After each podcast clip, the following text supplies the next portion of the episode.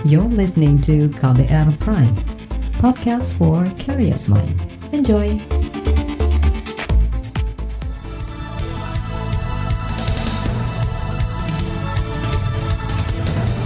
Selamat pagi saudara, kembali kami menyapa Anda dengan sejumlah informasi pilihan di Buletin Pagi, Rabu 8 Juli 2020 bersama saya Eka Juli. Kami sudah menyiapkan sejumlah informasi terkini, di antaranya desakan pengesahan rancangan undang-undang penghapusan kekerasan seksual terus bergulir. Vaksin COVID-19 lokal bakal diproduksi massal tahun depan. Pemkot Semarang didesak buka data perusahaan klaster baru COVID-19.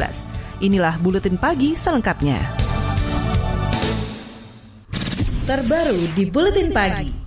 Saudara masih maraknya kasus kekerasan seksual menjadi alasan pentingnya rancangan Undang-Undang Penghapusan Kekerasan Seksual atau RUU PKS segera disahkan.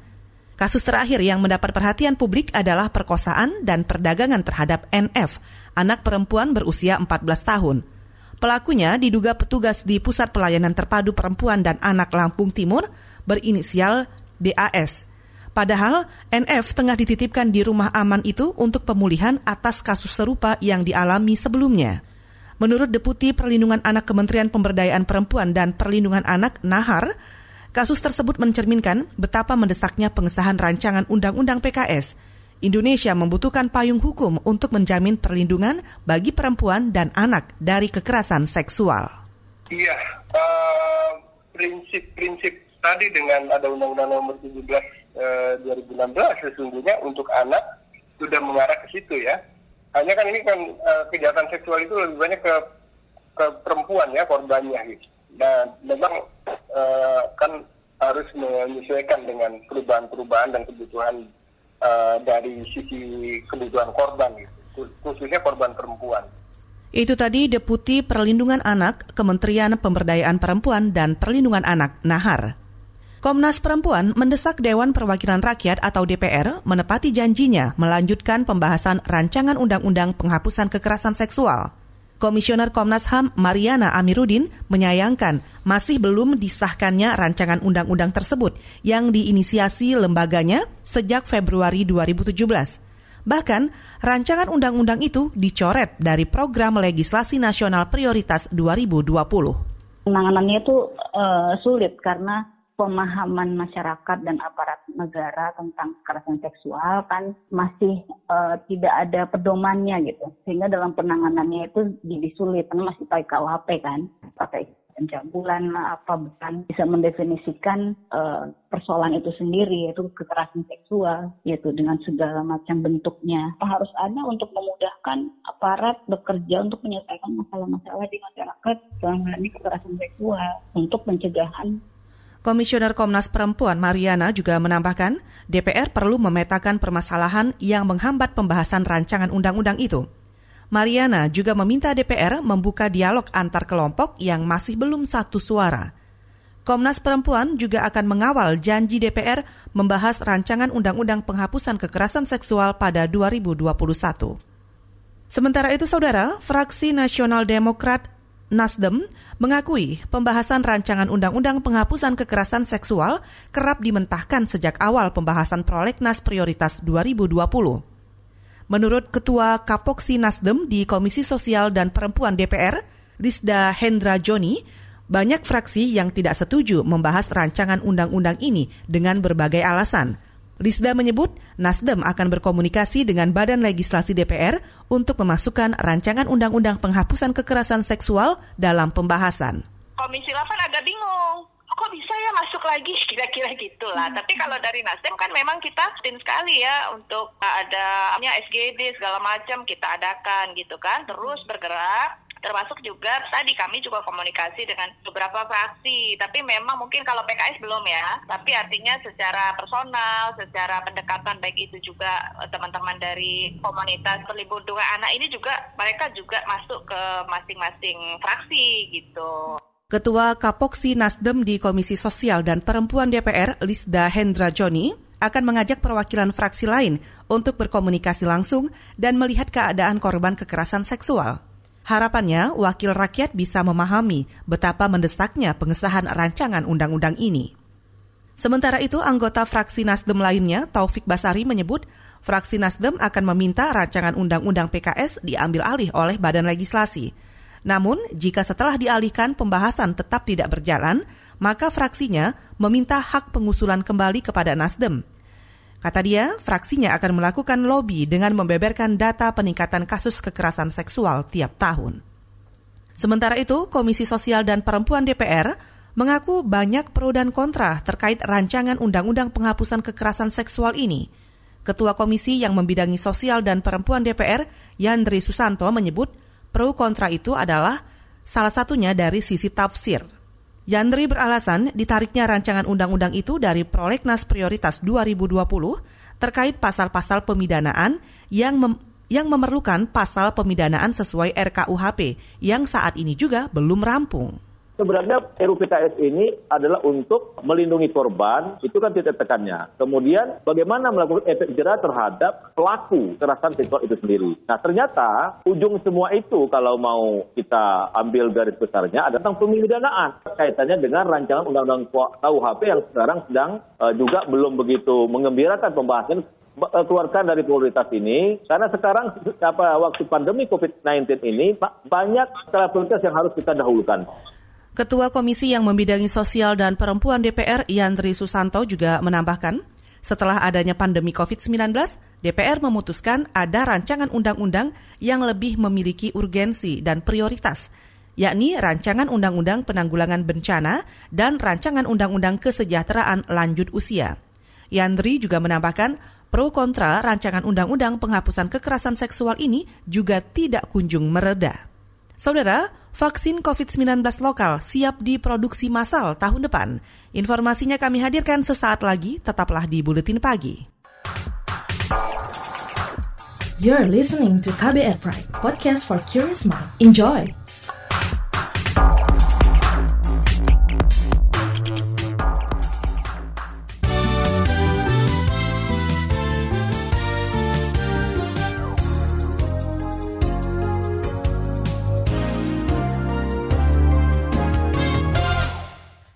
Jumlah pasien COVID yang meninggal hingga Selasa sore kemarin bertambah 69 orang. Dengan demikian, total pasien meninggal mencapai lebih dari 3.300 jiwa. Juru bicara pemerintah untuk penanganan COVID-19 Ahmad Yuryanto mengatakan, angka ini lebih tinggi dibanding angka kematian rata-rata global. Selain angka kematian, Indonesia juga mencatat penambahan 1.200-an kasus baru, sehingga menjadi lebih dari 66.000 kasus dari Jawa Timur melaporkan 280 kasus baru dan 118 sembuh. Kemudian yang kedua adalah Sulawesi Selatan dengan 218 kasus dan 45 sembuh. DKI Jakarta melaporkan 190 kasus baru dan 241 sembuh. Juru bicara pemerintah untuk penanganan COVID-19 Ahmad Yuryanto juga menambahkan, angka kesembuhan rata-rata nasional di angka 46 persen atau di bawah rata-rata tingkat kesembuhan global yang mencapai 56 persen. Jumlah pasien sembuh bertambah 866 orang, total menjadi 30 ribu orang lebih. Saudara, 8 dari 15 vaksin COVID-19 asal Indonesia lolos tahapan pengujian – Juru bicara gugus tugas percepatan penanganan COVID-19, Raisa Broto Asmoro, menjelaskan, tujuh tahapan berikutnya membutuhkan waktu lebih lama.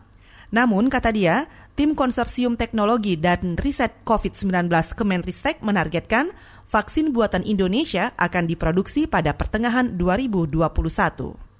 Vaksinasi akan diutamakan diberikan kepada populasi beresiko, yaitu kaum lanjut usia, atau dan mereka yang punya penyakit penyerta atau komorbid.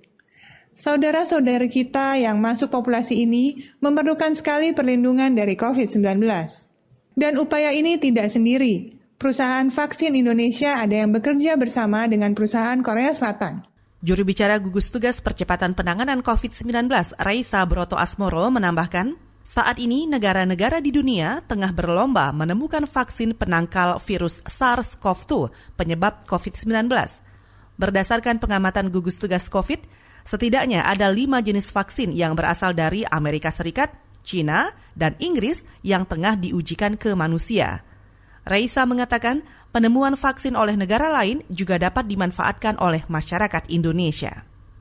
Beralih ke informasi lain, Komisi Pemberantasan Korupsi dan Komisi Hukum DPR tengah disorot usai menggelar rapat tertutup di gedung KPK kemarin.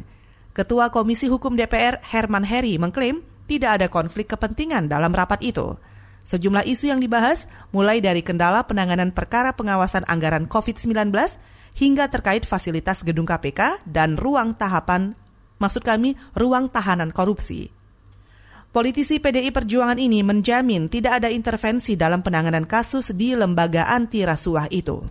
Spesifik isu terkini sudah dipegang oleh masing-masing anggota dan sebagai ketua kami membebaskan dari setiap fraksi untuk mem mem mempertanyakan apa yang ingat, sudah mereka agendakan. Oh, untuk dugaan pelanggaran etika apakah nanti juga akan dibahas? Semua anggota sudah punya per pertanyaan masing-masing. Saya sebagai ketua hanya memimpin jalannya rapat. Saya tidak mengatur agenda-agenda pertanyaan. Ketua Komisi Hukum DPR Herman Heri juga mengklaim rapat digelar tertutup untuk mencegah spekulasi publik terkait isu-isu sensitif yang dipertanyakan anggota DPR. Selain itu, tidak ada juga aturan yang melarang suatu rapat dengar pendapat dilaksanakan tertutup, tergantung urgensi pendapat kedua belah pihak. Saudara Kejaksaan Agung menyita barang bukti uang senilai 97 miliar rupiah dari terdakwa korupsi penjualan kondensat Honggo Wendratno. Selain uang, barang bukti lain yang dieksekusi Kejagung dari Direktur Utama PT Trans Pacific Petrochemical Indonesia itu berupa kilang LPG PT TLI di Tuban, Jawa Timur. Juru bicara Kejagung Heri Setiono mengatakan, eksekusi dilakukan setelah Honggo difonis 16 tahun penjara dan denda 1 miliar subsidiar 6 bulan kurungan dalam sidang in absentia pada 22 Juni lalu.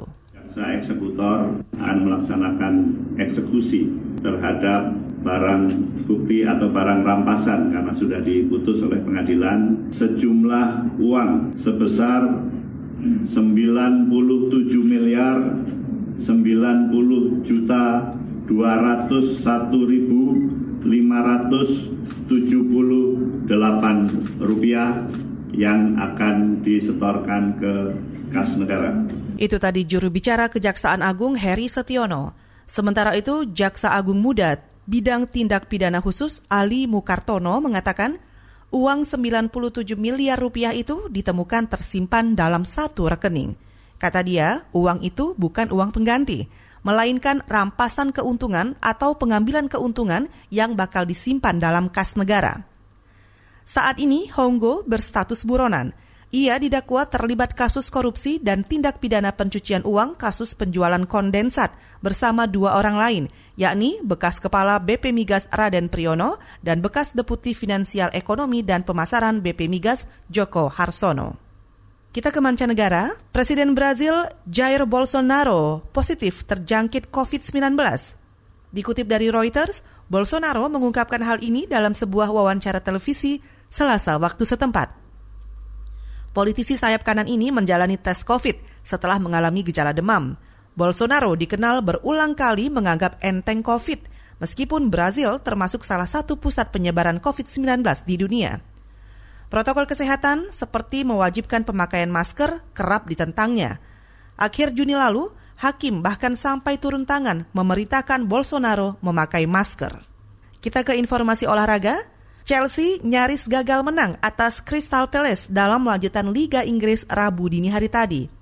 The Blues membawa pulang poin usai Palace tidak mampu memanfaatkan peluang menyamakan skor di menit akhir dan laga dimenangi tim asuhan Frank Lampard dengan skor 3-2. Tiga gol Chelsea dicetak Olivier Giroud, Christian Pulisic, dan Temi Abraham – Sedangkan gol tim tuan rumah dicetak Wilfred Zaha dan Christian Benteke. Saudara laporan khas KBR tentang tes cepat prasyarat bepergian digugat. Informasinya kami hadirkan sesaat lagi, tetaplah di Buletin Pagi. You're listening to KBR Pride, podcast for curious mind. Enjoy!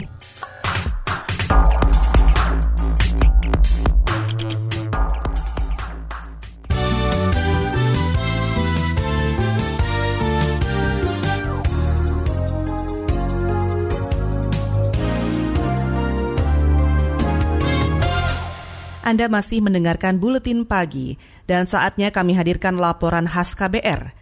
Kementerian Kesehatan menetapkan batasan tarif tes cepat atau rapid test COVID-19 maksimal Rp150.000. Kebijakan batas atas tarif tes itu diketok usai diprotes banyak kalangan. Sebelumnya, biaya tes terbilang mahal dan bervariasi meski hasilnya tidak akurat. Warga terpaksa melakukan tes karena menjadi syarat mutlak untuk bepergian. Simak laporan tim KBR yang dibacakan Astri Yuwanasari. Putri Tirta terpaksa merogoh kocek Rp400.000 untuk tes cepat atau rapid test di sebuah rumah sakit swasta di Semarang, Jawa Tengah. Tes cepat menjadi syarat wajib agar ia bisa terbang kembali ke Jakarta. Putri sejatinya keberatan dengan biaya tes ini karena terbilang mahal, apalagi kala itu masa berlakunya hanya tiga hari. Aku pertama untuk tanggal 12 itu buat ngurus SIKM-nya, tapi ternyata kan WFH diperpanjang tuh. Jadi aku baru masuknya 20-an Juni gitu lah. Jadi aku rapid test lagi. Kalau aku tanya-tanya yang di Jakarta ataupun di Semarang tuh hampir sama sih. Ya segitu juga. Karena ini sih apa namanya memaklumi yang pandemi ya, situasi pandemi jadinya mau gimana. Perempuan 32 tahun ini menganggap tes cepat penting sebagai langkah awal pencegahan COVID-19.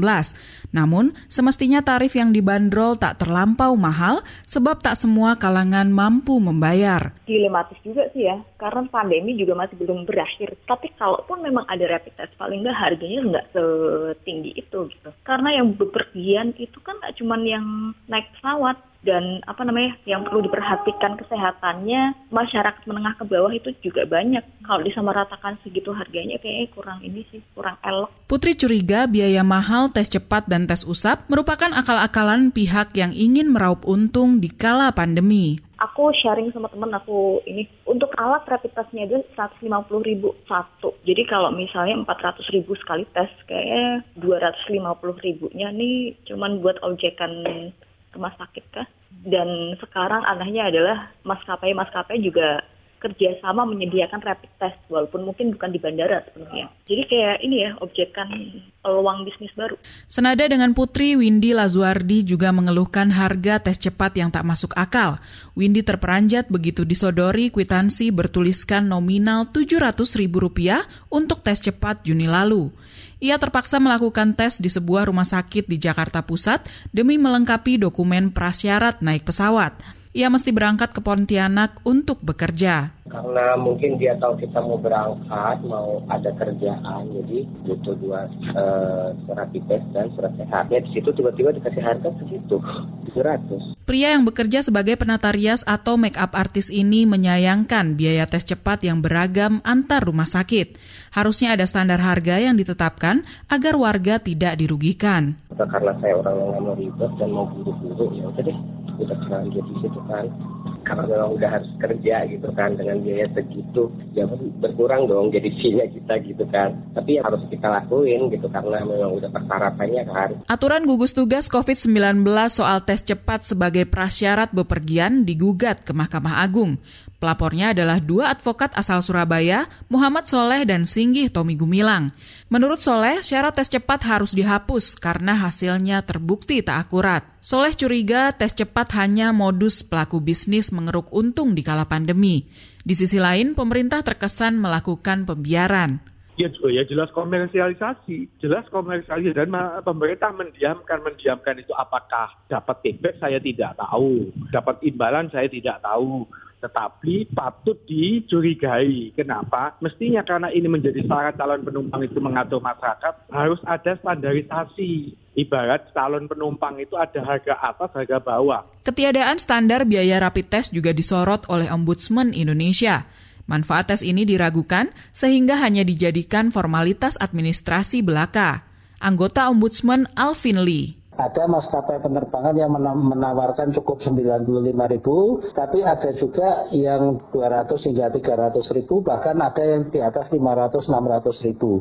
Ini tentunya menjadi pertanyaan masyarakat, sebenarnya harganya berapa? Dan kalau ini rapid test ini untuk kepentingan umum, kenapa pemerintah tidak mengatur standar biaya, standar pelayanan ya? Pakar epidemiologi Universitas Indonesia Pandu Riono mendukung dicoretnya tes cepat dari prasyarat bepergian. Pandu beralasan tes cepat hanya mendeteksi antibodi, bukan virus corona.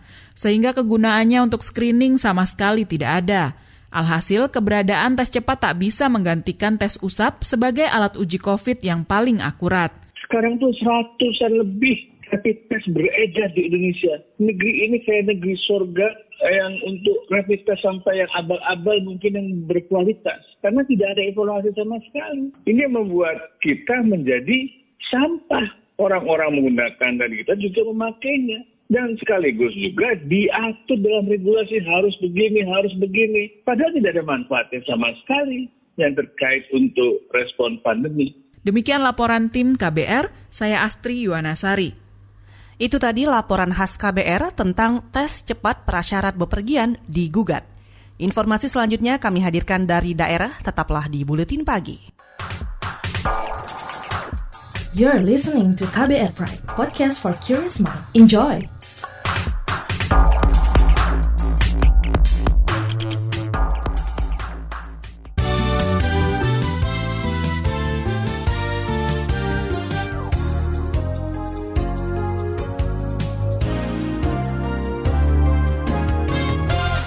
Inilah bagian akhir buletin pagi KBR.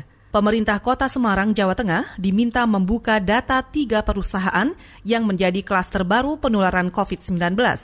Anggota Federasi Serikat Pekerja Mineral dan Industrial PS, eh, PSPMI Kota Semarang, Zainuddin mengatakan, tertutupnya pemerintah kota dalam penanganan COVID-19 akan membahayakan kesehatan pekerja dan masyarakat.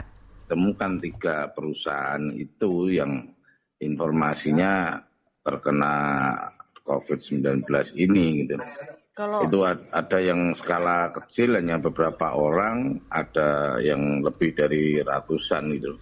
Anggota Federasi Serikat Pekerja Mineral dan Industrial Kota Semarang, Zainuddin, juga meminta tiga perusahaan itu segera ditutup sementara untuk mencegah penularan meluas. Informasi yang dihimpun KBR dari dua Maksud kami, dua dari tiga perusahaan itu berada di kawasan industri pelabuhan Tanjung Mas dan satu lainnya belum diketahui. Saudara, kelanjutan pembangunan proyek jalan tol Trans Sumatera masih terkendala anggaran. Menteri Pekerjaan Umum dan Perumahan Rakyat Basuki Hadi Mulyono mengatakan, proyek strategis nasional ini membutuhkan dana lebih dari 380 triliun rupiah. Jadi sekali lagi total panjangnya 2.800 yang sudah operasi 393 km, yang under construction 1194 dan sedang persiapan 1291 km. Menteri PUPR Basuki Hadi Mulyono juga menambahkan dana yang terkumpul baru sekitar 113 triliun rupiah berasal dari anggaran negara, perbankan, dan penyertaan modal negara di PT Hutama Karya. Kata dia, sejumlah kementerian terkait tengah mengupayakan strategi pendanaan lain agar proyek bisa dilanjutkan. Saudara, informasi tadi menutup jumpa kita di Buletin Pagi hari ini. Pantau terus informasi terbaru melalui kabar baru, website kbr.id, Twitter kami at berita KBR, dan podcast kbrprime.id. Saya Eka Juli, salam.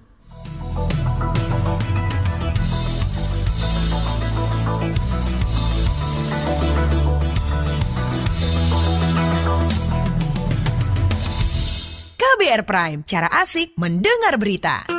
KBR Prime, podcast for curious mind.